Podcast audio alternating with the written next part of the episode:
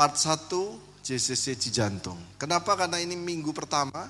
Lalu minggu depan kita akan merayakan hari pencurahan Roh Kudus atau Pentakosta. Kita lihat hari Kamis lalu kita merayakan Yesus naik ke surga. Kita ingat kemarin apa? Tuhan punya cerita yang lebih dahsyat daripada cerita pergumulan hidup kita. Lalu yang kedua Tuhan Yesus adalah imam besar yang agung. Yang terakhir Yesus nama di atas segala nama. Lalu 10 hari para rasul dan murid-murid Tuhan berdoa. Dan pada waktu hari ke-10 turunlah Roh Kudus yang disebut Pentakosta. Pentakosta itu turun di hari ke-10 setelah Tuhan Yesus naik ke surga kalau dihitung tepat jatuhnya di 28 Mei minggu depan. Karena itu kita masuk dalam penantian Roh Kudus. Jadi hari ulang tahun gereja itu kapan kalau ditanya? Apakah 25 Desember, 25 Desember hari ulang tahun Tuhan Yesus. Tapi gereja, orang percaya, hari ulang tahunnya itu Pentecost Day. Ya kita ingat itu hari Pentakosta. Dan saya berharap jemaat siapa tahu saya berharap kalau hari ulang tahun ada makanan ya. Tapi kalau boleh gantian lah. Jangan pelayan yang siapkan makanan, ayo jemaat siapkan makanan. Caranya gimana saya belum tahu. Cuma saya berharap kalau hari Pentakosta bisa ada makanan di gereja. Saya percaya ini jadi berkat buat kita semua. Amin, saudara. Aminnya sedikit ya. Saudara, jangan aku Tuhan, dia saja. Oke, mari kita masuk ke dalam firman Tuhan. Ada tiga karakter roh kudus. Mari kita baca dari Yohanes 14 ayat 16 sampai 18 kita baca dengan kuat. 1 2 3 Aku akan minta kepada Bapa dan ia akan memberikan kepadamu seorang penolong yang lain supaya ia menyertai kamu selama-lamanya yaitu roh kebenaran. Dunia tidak dapat menerima dia sebab dunia tidak melihat dia dan tidak mengenal dia. Tetapi kamu mengenal dia sebab ia menyertai kamu dan akan diam di dalam kamu Aku tidak akan meninggalkan kamu sebagai yatim piatu. Aku datang kembali kepadamu. Ada tiga karakter roh kudus. Yang pertama dia adalah roh penolong. Mari katakan bersama saya satu dua tiga penolong. Sekali lagi penolong. Ya. Penolong itu terjadi waktu kapan? Di saat kita susah. Ada penolong. Jadi Tuhan menjanjikan ada roh penolong. Lalu yang kedua dikatakan roh kebenaran. Roh yang menuntun kita untuk senantiasa dalam kebenaran. Kebenaran itu apa? Kebenaran itu adalah firman Tuhan. Katakan firman. Jadi waktu kita dalam susah, roh ini akan menuntun kita untuk mengucapkan firman terus. Jangan ucapkan yang kotor yang tidak sesuai dengan kebenaran, tetapi dia akan menuntun kita untuk berucap sesuai dengan kebenaran, kebenaran, kebenaran dan kebenaran itu akan memerdekakan kita. Itulah disebutnya roh kebenaran. Dan yang ketiga, karakteristik Roh Kudus adalah roh yang tidak meninggalkan kita yatim piatu. Orang yang yatim piatu tidak ada yang melindungi, tidak ada yang membela, tidak ada yang menyediakan, tidak ada yang siapkan air, semua harus sendiri. Nah di sini Tuhan Yesus berjanji, kamu tidak yatim piatu. Bahkan disebut parakletos ya dalam bahasa Yunani Greek disebut parakletos atau penghibur yang menghibur tetapi dalam bahasa Latin disebut advocates. Roh Kudus itu advocates yang menjadi akar kata dari kata advokat. A defender. Pembela kita di saat semua manusia menuding kepada kita, Roh Kudus sebagai advokat kita. Berikan tepuk tangan buat Roh Kudus. Saudara tahu kenapa disebut tidak meninggalkan kita yatim piatu? Kalau orang anak yatim piatu tidak ada yang membela dia, tetapi Roh Kudus berdiri di depan membela kita semua. Katakan amin. Baik kita lanjutkan empat lambang Roh Kudus. Kalau kita belajar dalam Alkitab, empat lambang Roh Kudus yang pertama adalah lambang lidah api di perjanjian baru lidah api. Kalau di perjanjian lama kita mengingat pada waktu Musa bertemu Tuhan pertama kali di semak seperti ada api tapi tidak terbakar. Itu sama Roh Kudus. Jadi lambang daripada Roh Kudus ini api, sebuah makanya disebut ada Roh Kudus, ada keberanian untuk memberitakan Injil. Lalu yang kedua, lambang seperti burung merpati. Pada waktu Yesus dibaptis, tiba-tiba turunlah Roh Kudus seperti burung merpati. Nah, perhatikan kata seperti burung merpati, ya. Bukan berarti burung merpati itu Roh Kudus. Ya, jadi jangan salah arti. Kalau gitu nanti semua orang Kristen piara ternak burung merpati. Kemarin saya ke Surabaya, saya makan burung darah goreng. Jadi roh kudus itu bukan burung merpati, tetapi seperti burung merpati. Jadi artinya dia lebih tinggi daripada burung merpati. Dia lebih tinggi dari api. Tekan amin. Ada orang, wah kalau gitu roh kudus ya kita nyalakan lilin yang banyak. Dia seperti api, tapi dia lebih tinggi. Sampai sini nangkep ya. Jadi saya ingat waktu kita ke Israel, lalu kita dibaptis ya di Sungai Yordan ada Pak Ritonga, Ibu Michael. Pada waktu anak saya mau dibaptis, Joy, kita anak Joy turun. Itu kan sungai, betul-betul Sungai Yordan. Lewatlah bebek. Ada bebek, wak, wak, wak. Terus ada yang bilang, oh roh kudus dalam rupa bebek. Bukan saudara, itu cuma pas bebeknya lewat ya. Jangan sampai nanti pas nanti kalau saudara ke Israel, saudara dibaptis, tiba-tiba ada lele lewat, saudara, oh, Roh Kudus dalam rupa lele, bukan. Roh Kudus ya suka-sukanya dia. Dia ada dalam hati kita. Amin. Lalu dalam rupa angin dan awan. Kalau kita lihat orang Israel dipimpin oleh pada siang hari ada tiang awan, pada malam hari ada tiang api. Itulah sebabnya dia melambangkan awan dan angin. Pada waktu di loteng atas turunlah lidah-lidah api dan ayatnya menuliskan dan bunyi seperti angin yang keras. Jadi Roh Kudus itu dilambangkan seperti angin.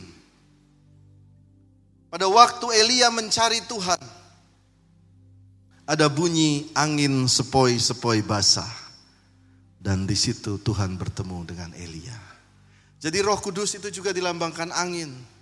Angin ini juga melambangkan apa kalau kita baca dalam kitab perjanjian lama. Tuhan mendatangkan apa namanya tulah belalang dengan angin timur. Tetapi Tuhan juga membuang tulah itu dengan angin barat.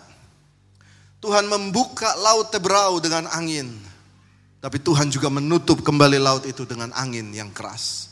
Jadi angin itu artinya adalah perubahan.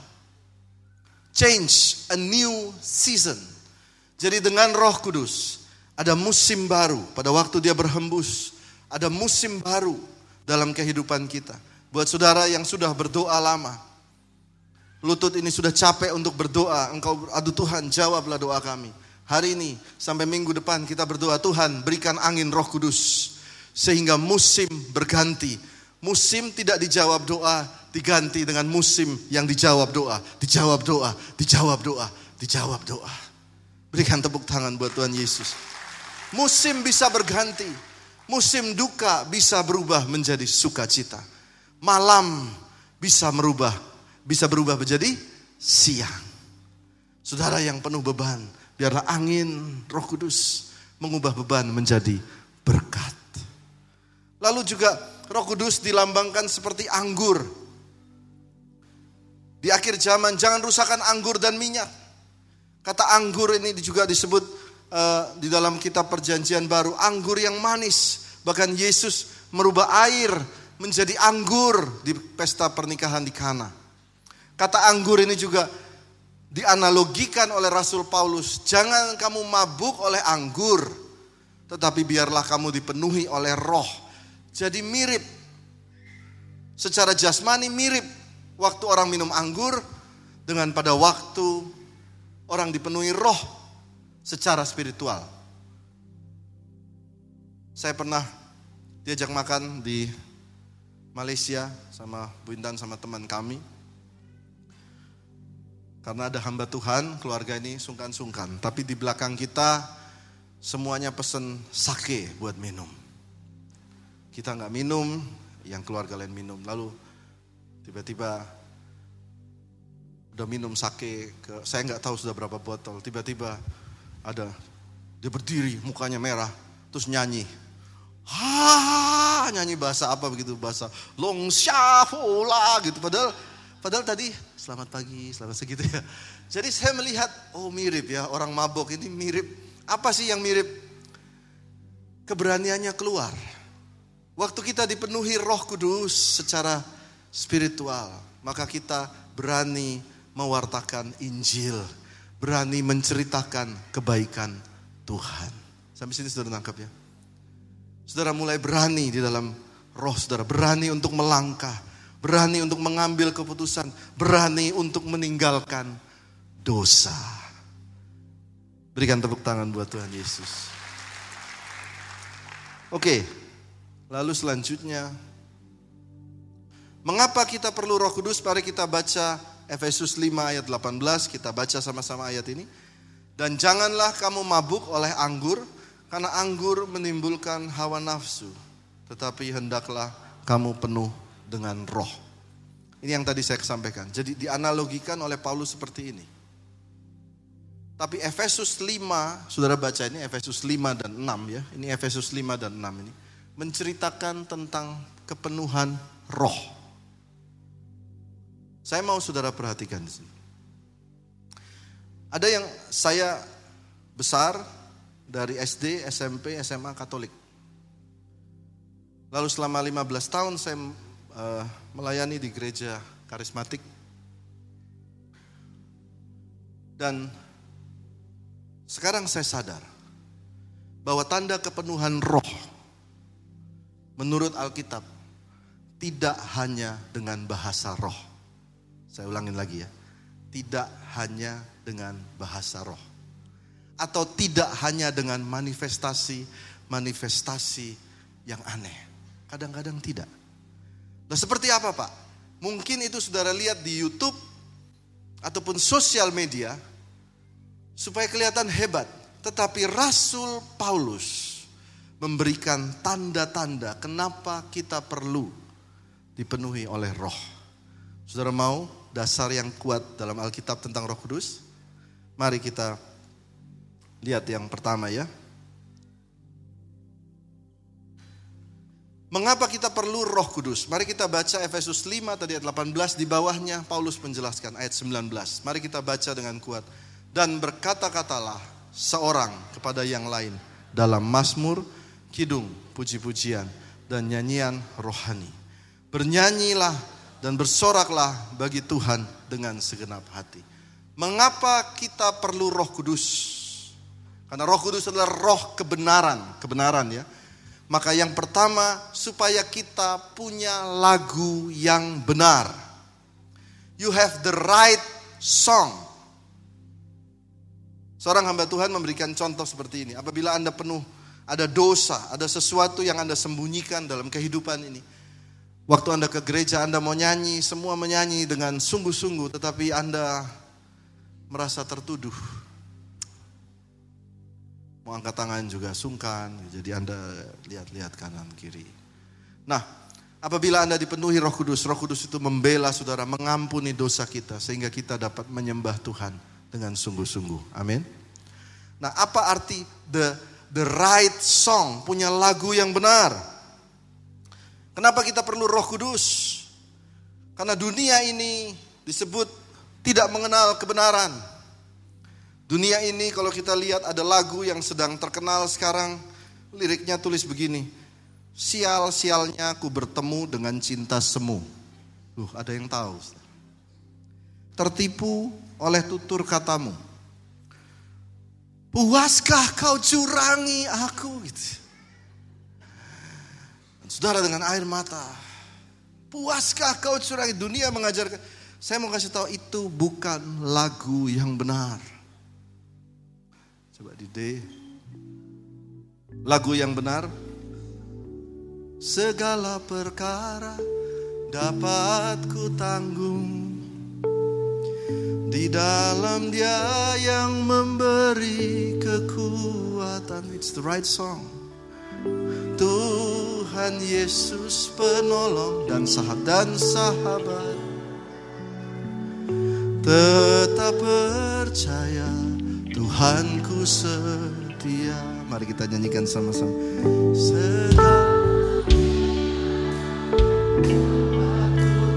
It's the right song for your.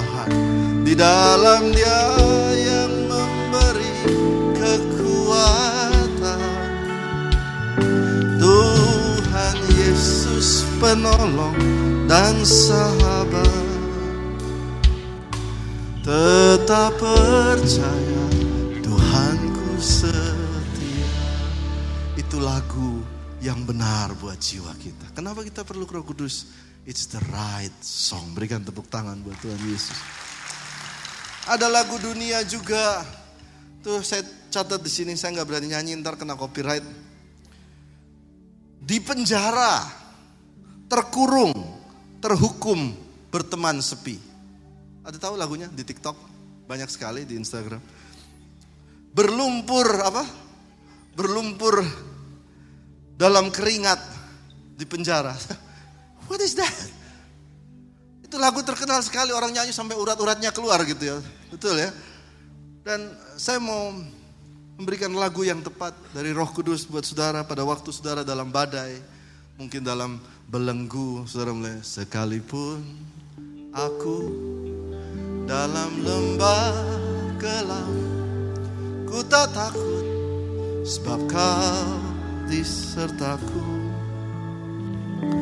Sekalipun badai topan datang menerpa Ku tak gentar sebab kau di sisiku Mari katakan aku percaya Mari angkat tangan saudara Tidak ada yang tertunduk. Katakan berkatmu. Berkatmu atasku melimpah. Kebajikan,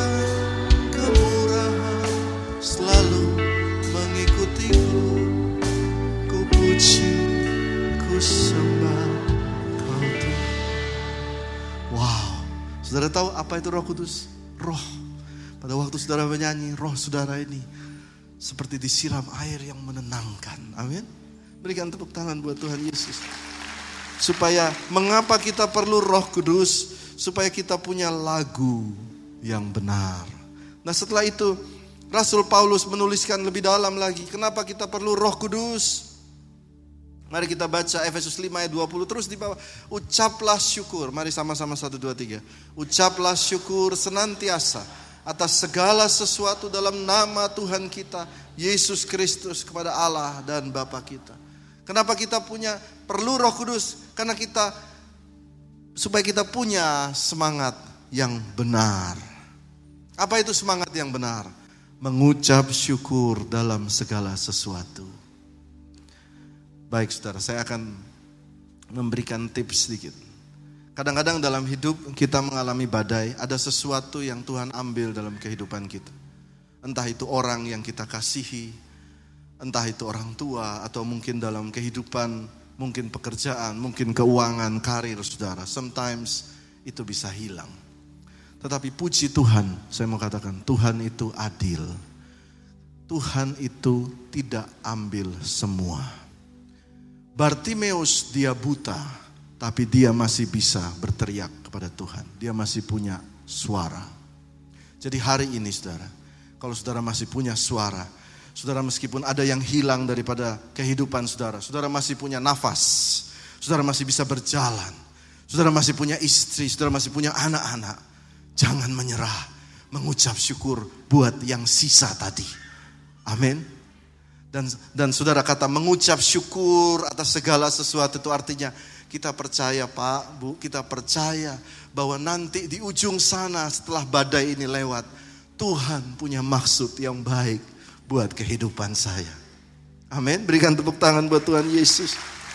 Mazmur 107 ayat 30 saya baca buat saudara. Bersukacitalah sebab semuanya reda. Mereka dituntun Tuhan kepada pelabuhan kesukaan mereka. Amin. Lalu yang selanjutnya adalah mengapa kita perlu Roh Kudus? Mengapa kita perlu Roh Kudus supaya kita taat dan tunduk pada yang benar. Orang yang tidak mau taat dan tunduk pada yang benar pasti hidupnya kacau. Karena tidak ada yang dia taati, tidak ada yang dia tunduk, semua tidak ada itu tidak baik buat kehidupan kita.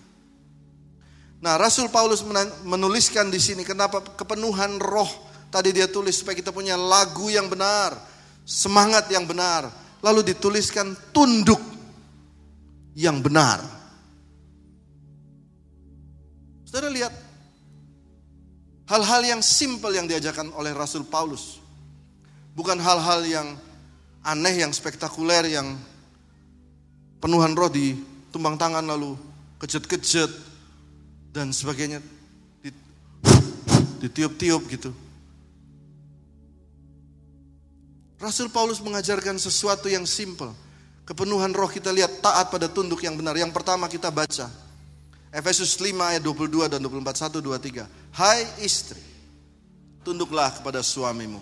Karena seperti kepada Tuhan. Karena itu sebagaimana jemaat tunduk kepada Kristus. Demikian jugalah istri kepada suami dalam segala sesuatu. Amin. Beberapa suami-suami menganggukkan kepala begini. Ada yang tangannya kasih jempol begini. Hai istri, tunduklah, tunduklah kepada suamimu. Lalu di ayat berikutnya ditulis yang bawah saudara baca, demikian jugalah istri kepada suami dalam segala sesuatu. Bapak dia kan ngawur. Ayatnya tulis segala sesuatu. Ini bukan perkataan saya, perkataan firman Tuhan. Jadi istri-istri di tempat ini tunduk kepada suami. Itu tanda penuh roh kudus. Jangan sampai Jangan sampai Anda pergi ke gereja, sering sekali ikut ibadah gereja, tetapi sama suami nanduk terus. Di gereja, ora sika di rumah tanduk. Rasul Paulus mengajarkan kepenuhan roh itu taat yang benar. Istri, tunduklah kepada suami. Ayo para suami berikan tepuk tangan yang meriah. Oh, mantep nih suami-suami mantep. Eh, sepertinya mereka banyak diinjak oleh istri ya sepertinya ya. Ini grup sini nih ya sepertinya. Ada beberapa meneteskan air mata sepertinya. Nah ini berikutnya gantian ya.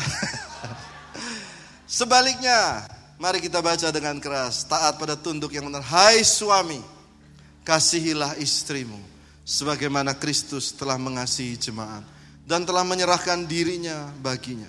Rahasia ini besar, tapi yang aku maksudkan ialah hubungan Kristus dan jemaat. Suami harus sayang istri. Ini adalah bukti kepenuhan Roh Kudus. Katakan amin. Jangan sampai suami-suami ke gereja penuh Roh Kudus tapi tidak sayang istri. Halo? Batuk aku. ya. Istriku lihat aku ambil gini.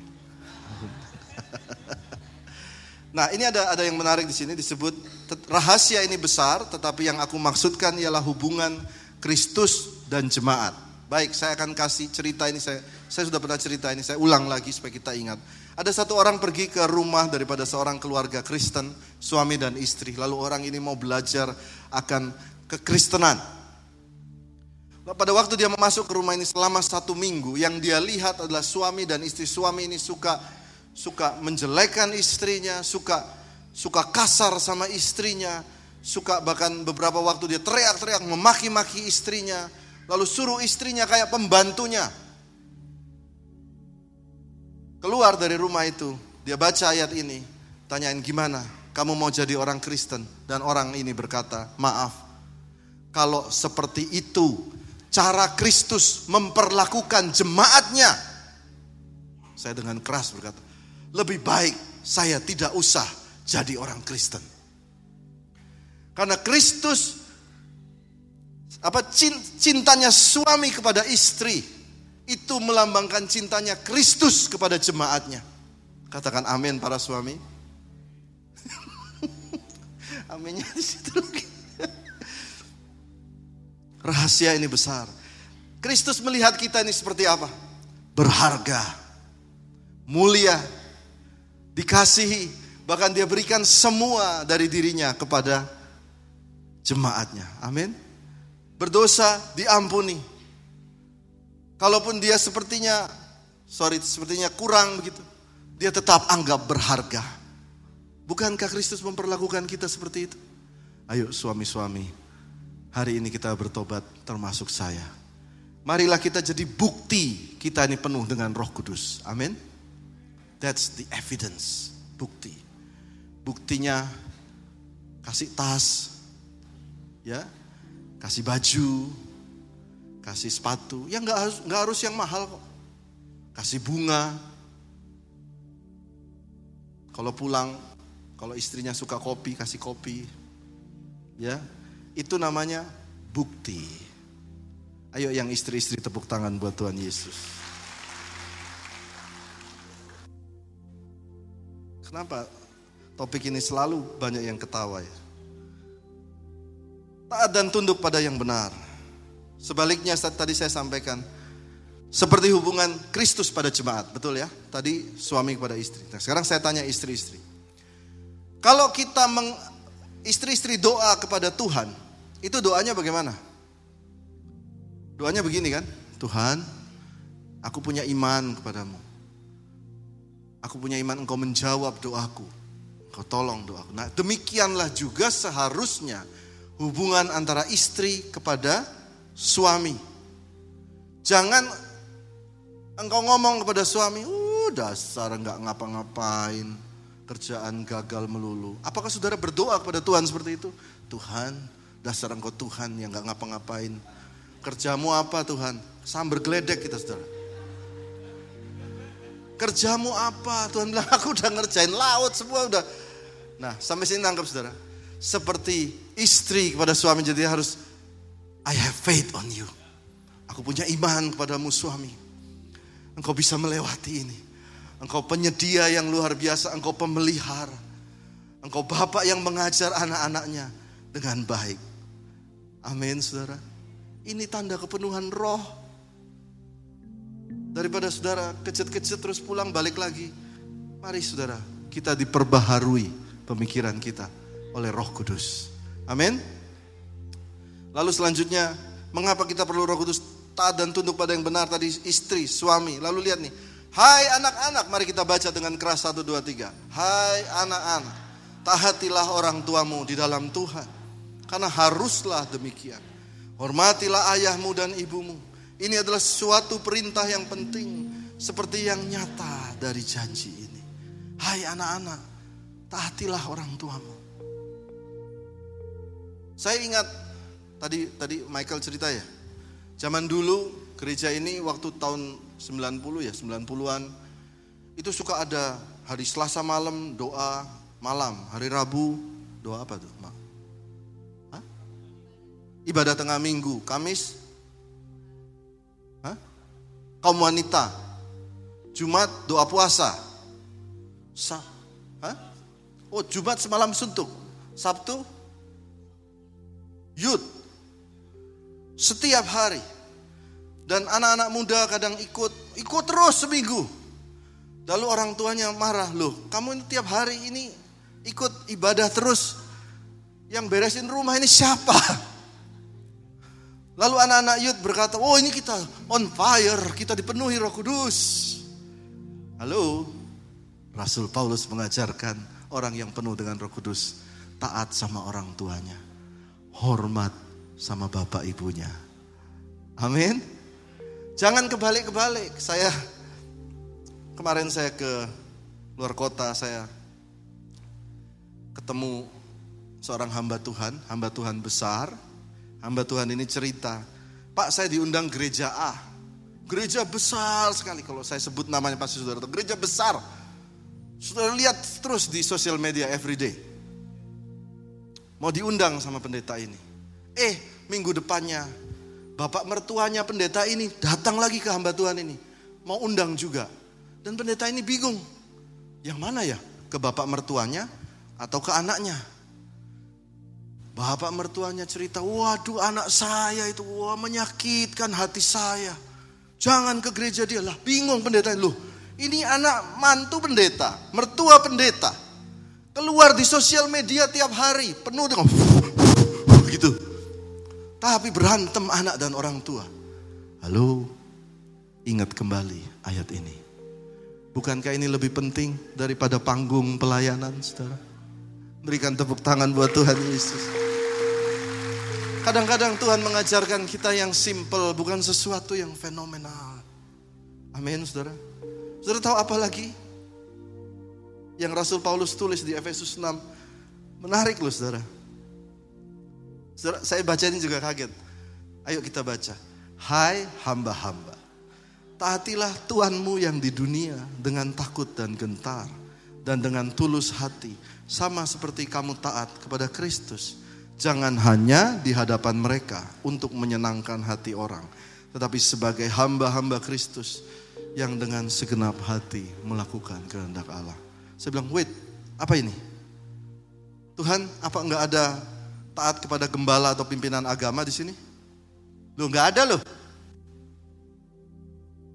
Istri, suami, anak,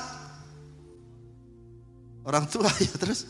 Ini kepada bos kita di pekerjaan. Saya ulangin lagi. Di dalam dunia pekerjaan, kepada manajer kita, kepada direktur kita. Alkitab mengajarkan ini loh. Hai hamba-hamba, taatilah direkturmu yang kasih gaji ke kamu setiap bulan. Taatilah mereka. Lalu dia tulis, jangan hanya di hadapan mereka saja. Ini mereka di sini. Dia ngomong, oh betul pak, betul, iya bapak bener, bapak bener. Bapak ganteng sekali, luar biasa. Manis mukanya, uh, rambutnya penuh kebijaksanaan.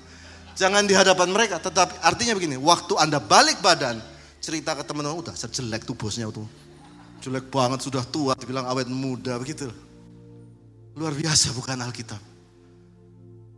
Buat saudara yang berkarir di kepolisian, di tentara, taatilah pimpinan Anda. Saya, saya lihat sampai akhir, terakhir ditulis taatlah kepada Kristus. Gak ada taat sama pemimpin agama atau apa.